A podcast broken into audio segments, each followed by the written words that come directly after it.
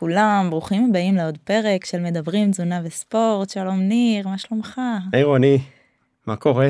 אני בסדר, מה שלומך? מעולה, אנחנו במרתון פרקים. כן, נכון, אז uh, נראה לי שנצלול ישר לפרק, אבל לפני זה כמובן החסות שלנו. Uh, אז הפרק בחסות תרדיפרון, 80 מיליגרם ברזל לטיפול ומניעת אנמיה הנגרמת מחוסר ברזל. תרדיפרון, הברזל הנמכר ביותר באירופה ובמדינות בהן הוא משווק, זמין בכל הקופות ובבתי המרקחת, מכיל פרוסולפט. יש לעיין בעלון הצרכן לפני השימוש. נכון אז שוב תודה גם לכל המאזינים שעוקבים אחרינו וצופים בנו וגם תודה לחברת פדאגיס שתומכת בנו. יש לנו פרק רלוונטי ביותר לא? חד משמעית. נכון אז uh, אני אציג את האורח שלנו בפרק השני כאן איתנו גיא שלמון דיאטן קליני וספורט איש חינוך גופני ופיזיולוג של המאמץ מי שלא uh, היה בפרק הקודם אז קודם כל רוצו להקשיב אה, ושם אה, הצגתי את גיא קצת יותר בפירוט אני ממליצה לכולם לעקוב אחריו ברשתות החברתיות הפורום המקצועי לתזונה וכושר נכון אז שלום גיא מה שלומך שלום תודה והנה אנחנו צוללים לפרק השני לפודקאסט השני שלנו היום. נכון והוא בנושא של אה, אנמיה ברזל ובי 12. נכון אני חושב שזה נושא מאוד מאוד חשוב אני חושב שהרבה אנשים שאני נתקל בהם בקליניקה הרבה פעמים אומרים לי שהם עייפים חלשים התרגלו לזה ככה זה והם חיים עם זה אז אולי קצת נדבר באמת כאילו מה זה אנמיה מה התסמינים איך מאבחנים אותה. אז אה, ככה בצורה ככה פשוטה אפשר להגיד שאנמיה היא הפרעה בהובלת החמצן בדם זה בגדול. זה יכול להיות כתוצאה מהפחתה בכדוריות הדם האדומות או אי תקינות של כדוריות הדם האדומות. לאן זה מתקשר? כדוריות הדם האדומות מכילות חלבון שנקרא המוגלובין והמוגלובין הוא חלבון קושר אה, בעצם חמצן, החמצן נקשר להמוגלובין, כך שכשיש פגיעה בכדורית הדם האדומה או פגיעה בהמוגלובין, אז אין קשירה של חמצן, החמצן לא מובל לרקמות, ואז יש מחסור של חמצן ברקמות, ומאחר וחמצן הוא מרכיב מאוד חיוני בהפקת אנרגיה, אז שרירים לא מקבלים חמצן, המוח לא מקבל חמצן, והתסמינים הם עייפות וחולשה וסחרחורות וכאבי ראש.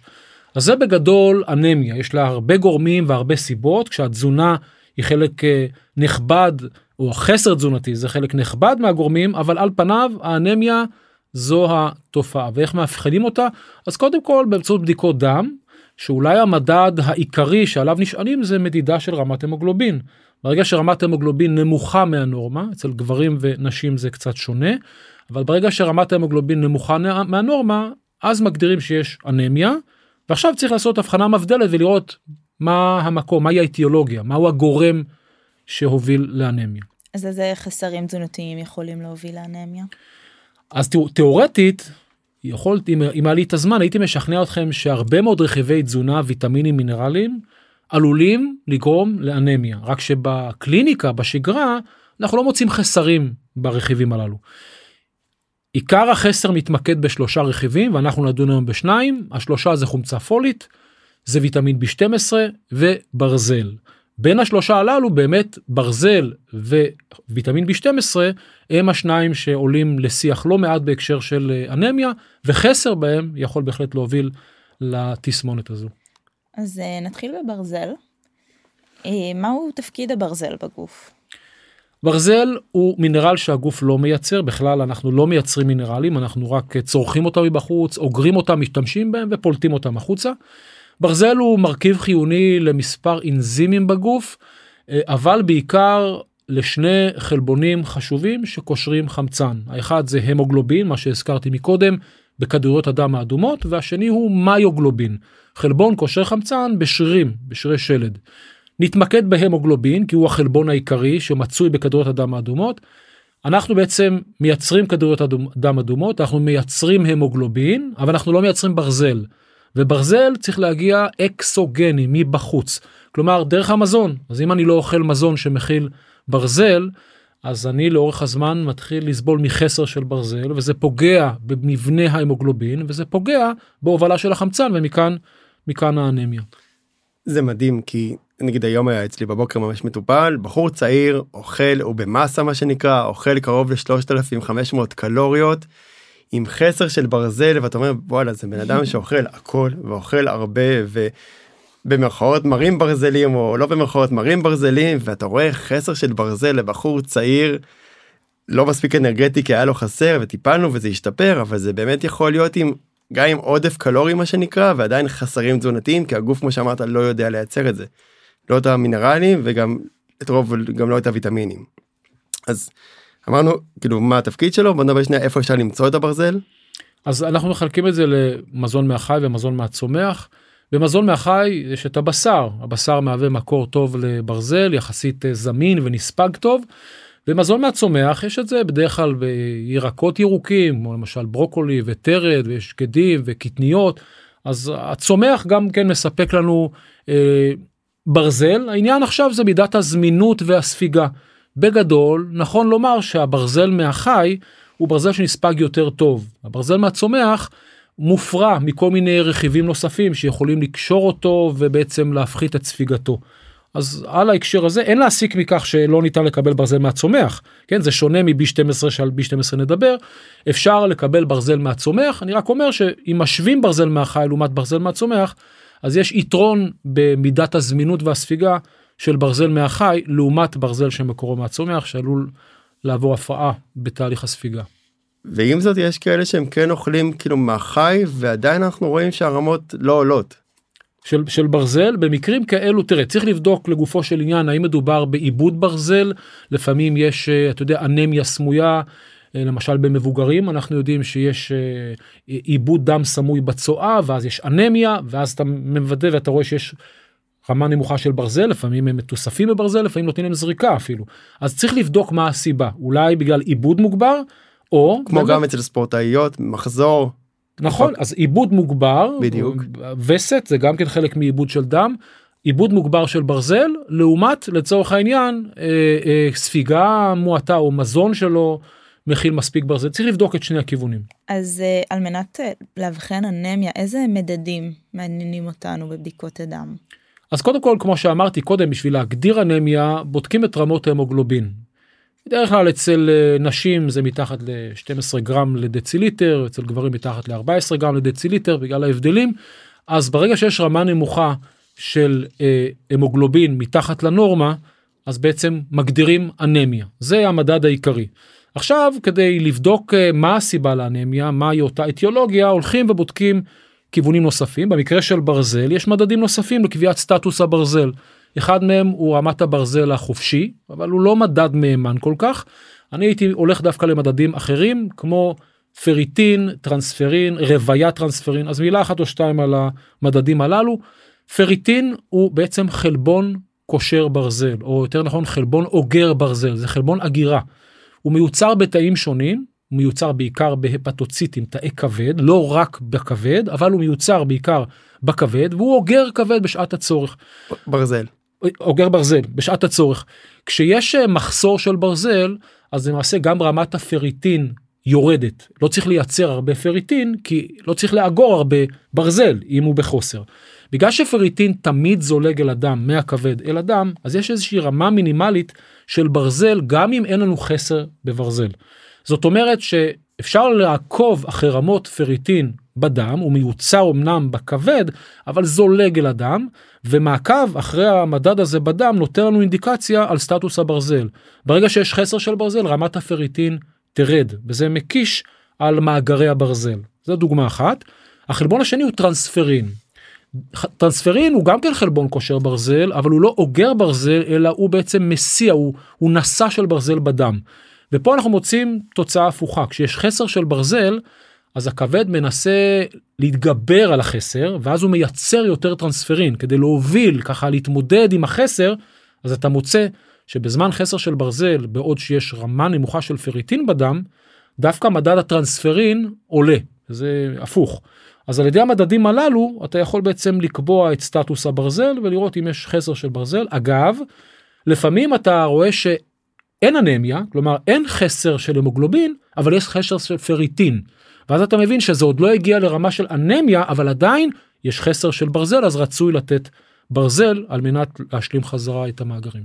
כלומר הרבה פעמים אנחנו רוצים להימנע מאנמיה אנחנו רואים אותה עומדת להגיע ואנחנו לא רוצים להגיע למצב הזה וזו הסיבה שאנחנו מבקשים. במיוחד באוכלוסיות מסוימות אנחנו Mhm. יודעים שהשכיחות אצל אנמיה השכיחות של אנמיה אצל נשים גבוהה יותר מאשר אצל גברים אנחנו יודעים שהשכיחות אצל מבוגרים קשישים גבוהה יותר מאשר אצל צעירים וגם בקהל הספורטיבי אתלטים גם אצלם יש שכיחות יותר גבוהה לאנמיה על רקע של חסר ברזל לעומת אנשים לא פעילים. זה באמת מוביל אותנו לשאלה הבאה, על אה, האם הספורטאים נמצאים בסיכון מוגבר? אמרת שכן, השאלה היא למה. אז תראי יש אה, אני, אני ככה רק אגיד אה, מהצד יש דבר שנקרא פסאודו אנמיה שזה תופעה שידועה אצל ספורטאים אתלטים. אה, פסאודו אנמיה זה כביכול אנמיה מדומה. זה קורה בדרך כלל בתקופות של שינוי תוכנית אימונים יש עלייה בנפח הפלזמה ואז כתוצאה מכך הדילול של המרכיבים כלומר המרכיבים בדם עוברים איזושהי רמה של דילול וזה מראה כאילו יש אנמיה כשאין באמת אנמיה לכן קוראים לזה פסאודו אנמיה אנמיה מדומה.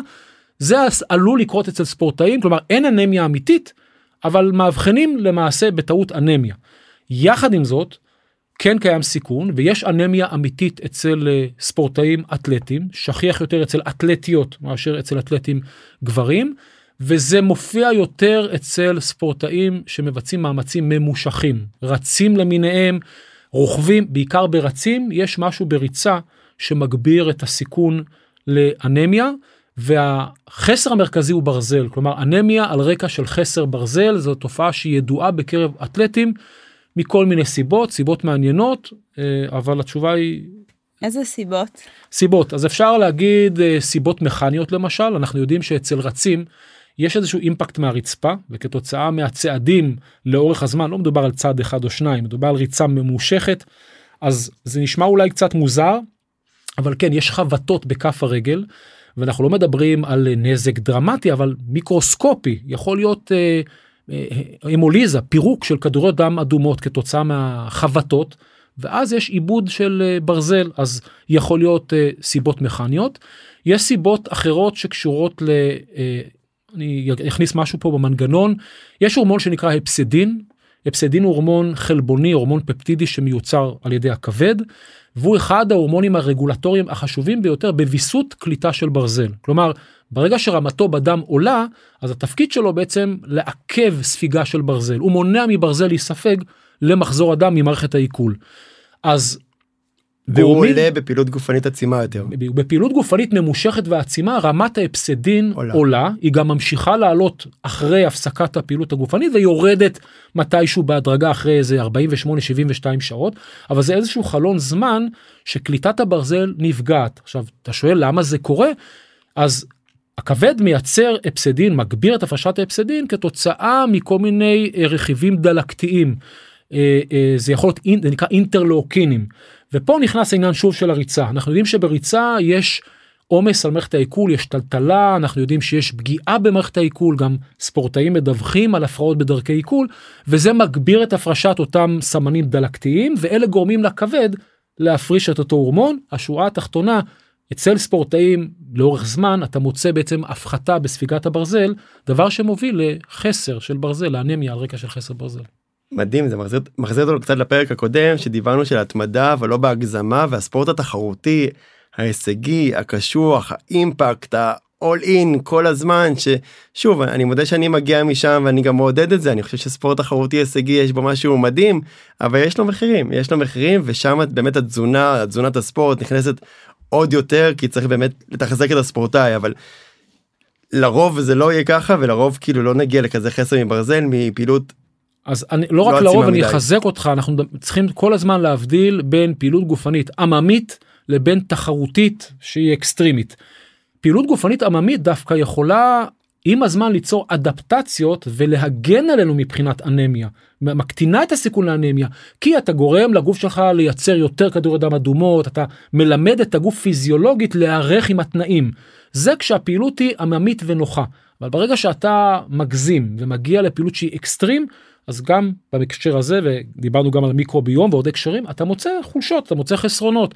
אז זה שכיח אצל אתלטים תחרותיים שמבצעים מרחקים אה, ארוכים.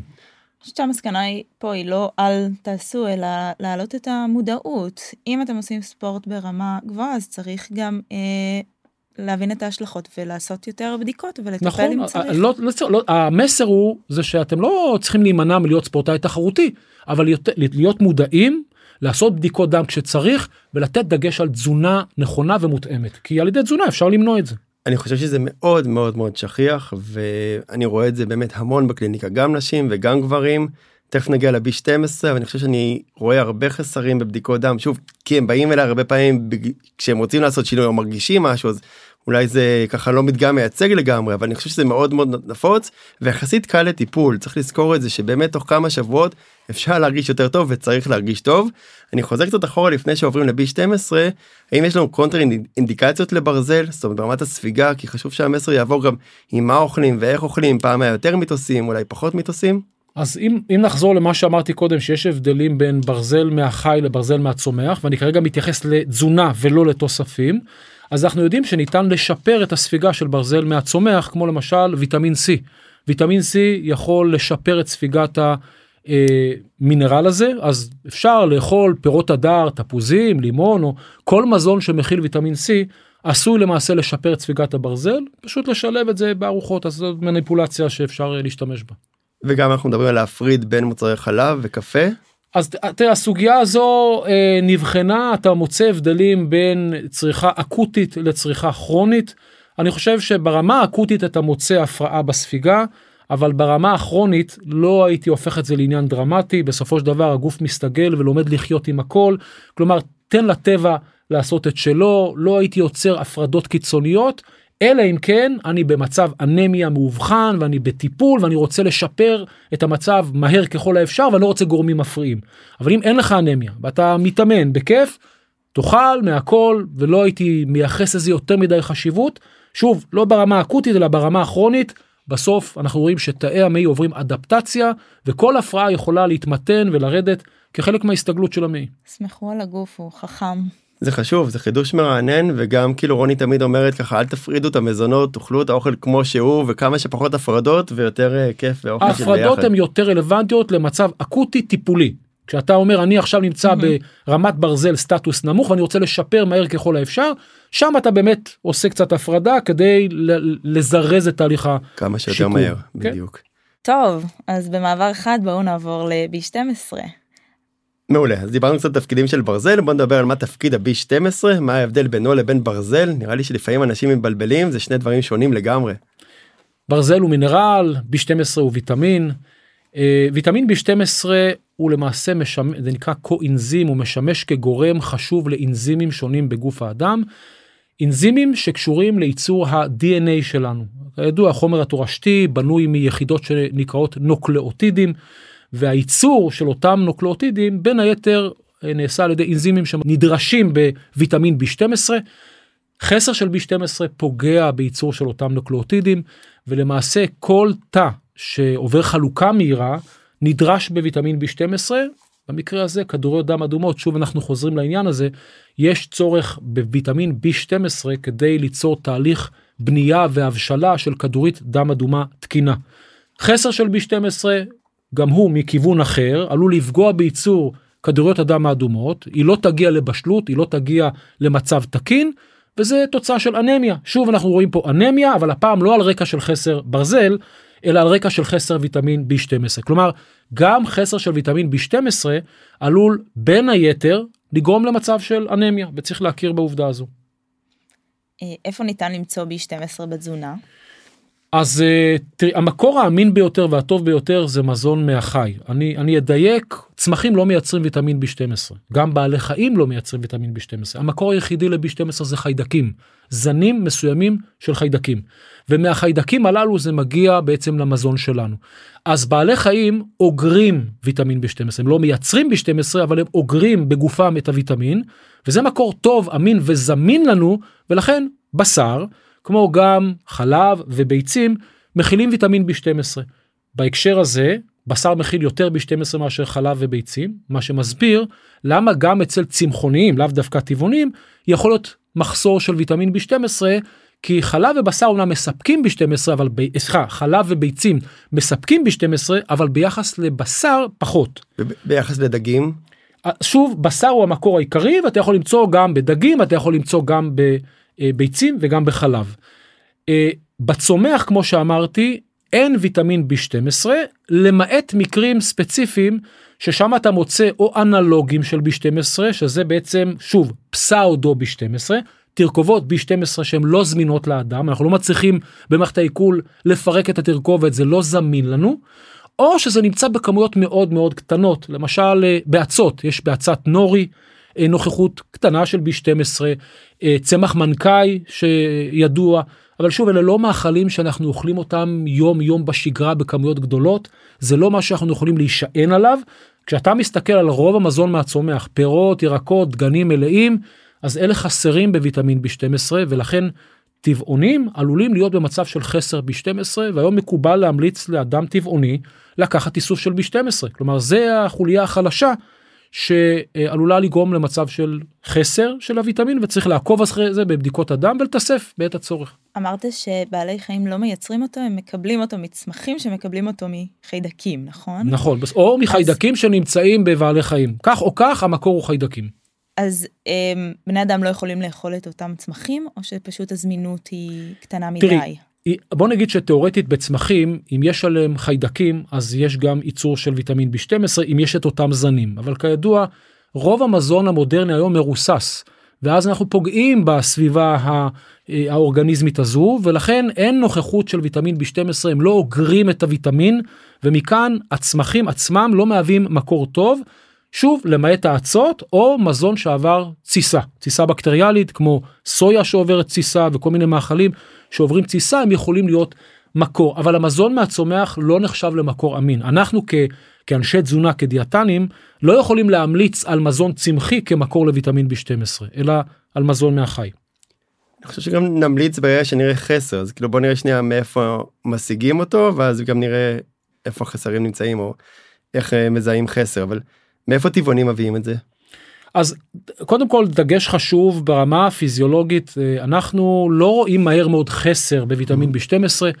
ויטמין b12 נוטה להגר בכבד למשך זמן ארוך למספר חודשים לעתים גם מעל שנה אז כך שאם תחליט ביום אחד להפסיק לאכול בשר או בכלל להיות טבעוני זה לא שתוך שבוע חודש או חודשיים אתה תמצא חסר של b12 תלוי מאגרים על פניו המאגר יכול להיות ממושך אבל אם תהיה טבעוני לאורך שנים ולא תדאג להשלים מקורות של B12 על ידי אכילת אצות, מנקאי או מזון שעבר תסיסה, אתה עלול להימצא בחסר ואז לקחת תוספים. נכון, או ממזון מעובד שהוסיפו לו, זאת אומרת גם בקורנפלקס יש ודברים כאלה. יש ש... היום מזונות מעובדים מועשרים בוויטמין B12, אז כן, אתה יכול למצוא גם במזון מעובד, אבל אני לא אוהב לכוון למזון מעובד או אולטרה מעובד, אני אוהב לדבר על מזון מהטבע, גולמי, טבעי, אז אם אתה נצמד למזון גולמי וטבעי, אז צריך לקחת את החיסרון הזה בחשבון. שאולי זה הזמן להפריח איזשהו מיתוס ש...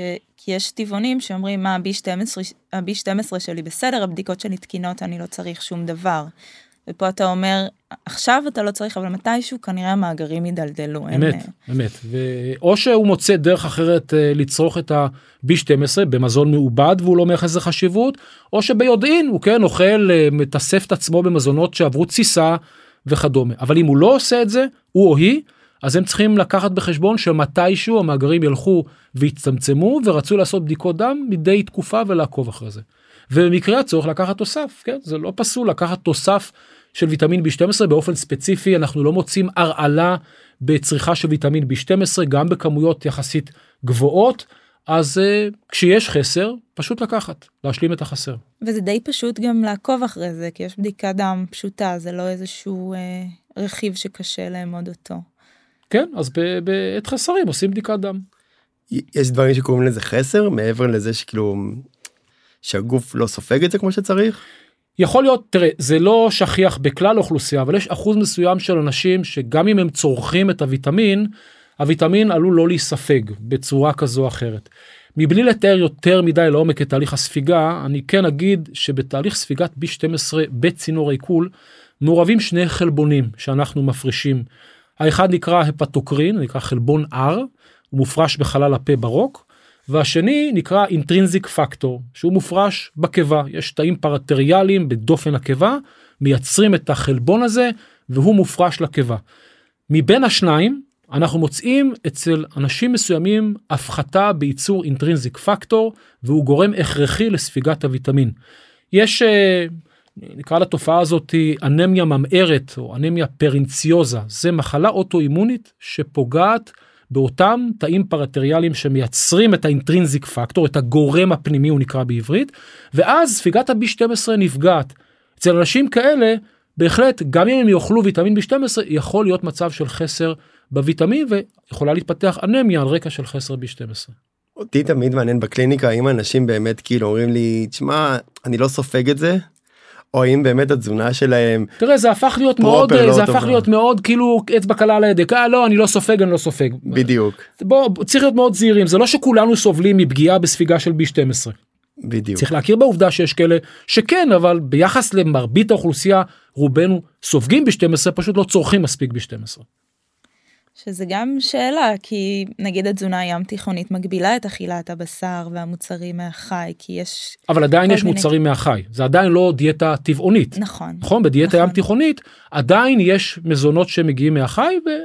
כן גם לא צריך הרבה וגם צריך וגם יש שם דגים שאנחנו מדברים על זה גם בהרבה פרקים כאילו מהמם. יש יתרון בלי להיכנס לאיפה גידלו את הדגים ואיך גידלו את הדגים אבל בעיקרון יש לזה הרבה יתרונות ובאמת כאילו לא צריך המון מזה אני חושב שב-12 יותר פחות נפוץ החסר ממה שאני רואה ברמת הקליניקה לעומת הברזל חד שהוא באמת משמעית. מאוד נפוץ. רוב מקרי האנמיה בין השניים הללו הם באמת על רקע של חסר בברזל על לעומת B12 אוקיי זה זה חד משמעית הברזל הוא בשכיחות יותר גבוהה לחסרים.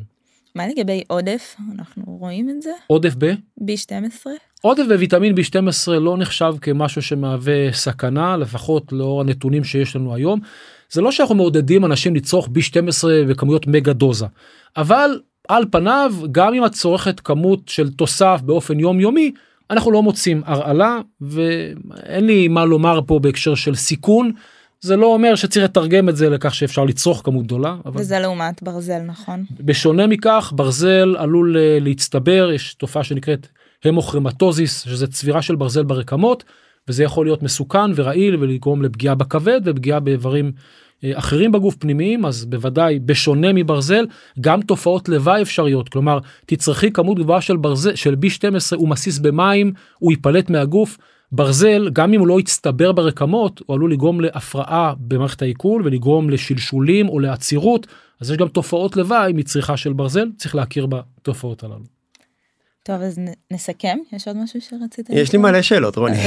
זה לא אולי שאלה ממש קטנה לגבי ספורטאים האם אנחנו רואים חסרים את זה ב-12 אצל ספורטאים או שרק הברזל ופה תראה פה באופן פחות? ספציפי אם אנחנו מגדירים ספורטאי אז חסר הרבה יותר שכיח בברזל ויש גם מנגנונים שמסבירים את זה.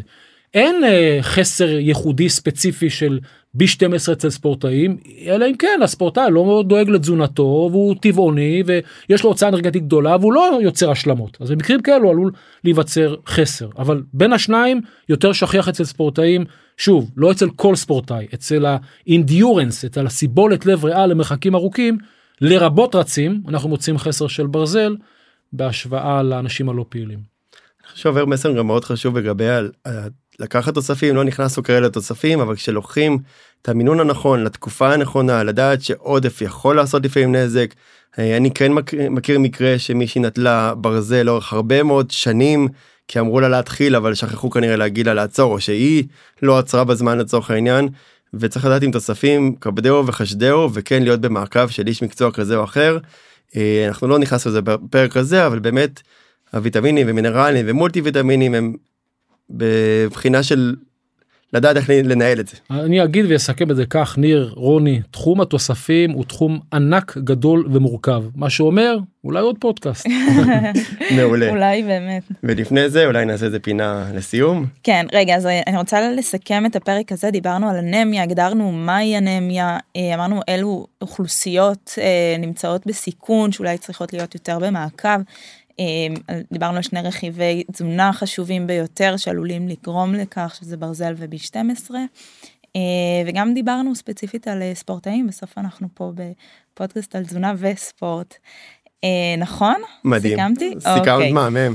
מעולה, ורגע לפני הסוף יש לנו פינת את האורח, אז כמה שאלות אה, אישיות ברשותך. אוקיי. אז אה, גיא, מה היית אם לא היית דיאטן קליני וספורט ופיזיולוג של המאמץ? וואי.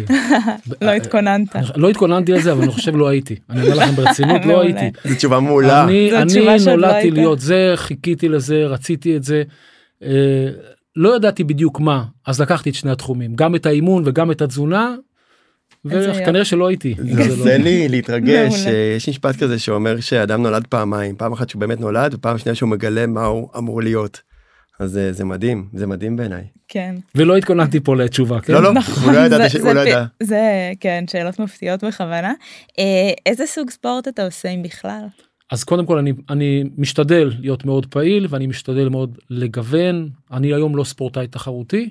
בעבר עסקתי בספורט תחרותי יחד עם האחים שלי.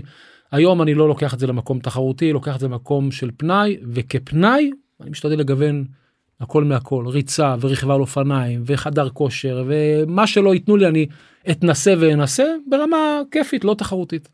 מדהים, אני. צריכים להבין שגיא בעברו, כאילו, גם מאמן כושר, גם מאמן ספינינג, אני אישית ישבתי בשיעור של גיא בספינינג ולא נראה לי שהוא יודע את זה בכנס באילת.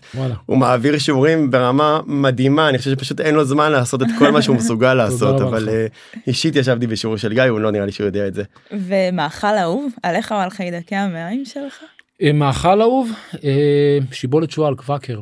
אני אוהב את זה המאכל הזה בטוח מאוד. שהחיידקים אבל, אה, אה, מבסוטים. כן. אני אוהב, אני מאוד אוהב אה, קוואקר, דייסת קוואקר כזה, אני מכין לי מדי פעם.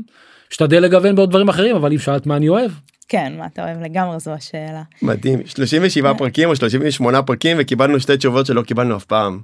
לא הייתי ושיבולת שועל. נכון. האמת שיש פה מגוון בהעדפות של אנשים. אה, טוב, אז גיא שלמון, תודה רבה על שני פרקים מרתקים ובאמת עם אה, טעם של עוד. תודה רבה לכם. חד משמעית, ממש תודה, ובאמת טעם שאלות כמו שרוני אמרה. נתראה בפרקים הבאים, תודה לשניכם, תודה רבה. תודה, יאללה ביי. ביי.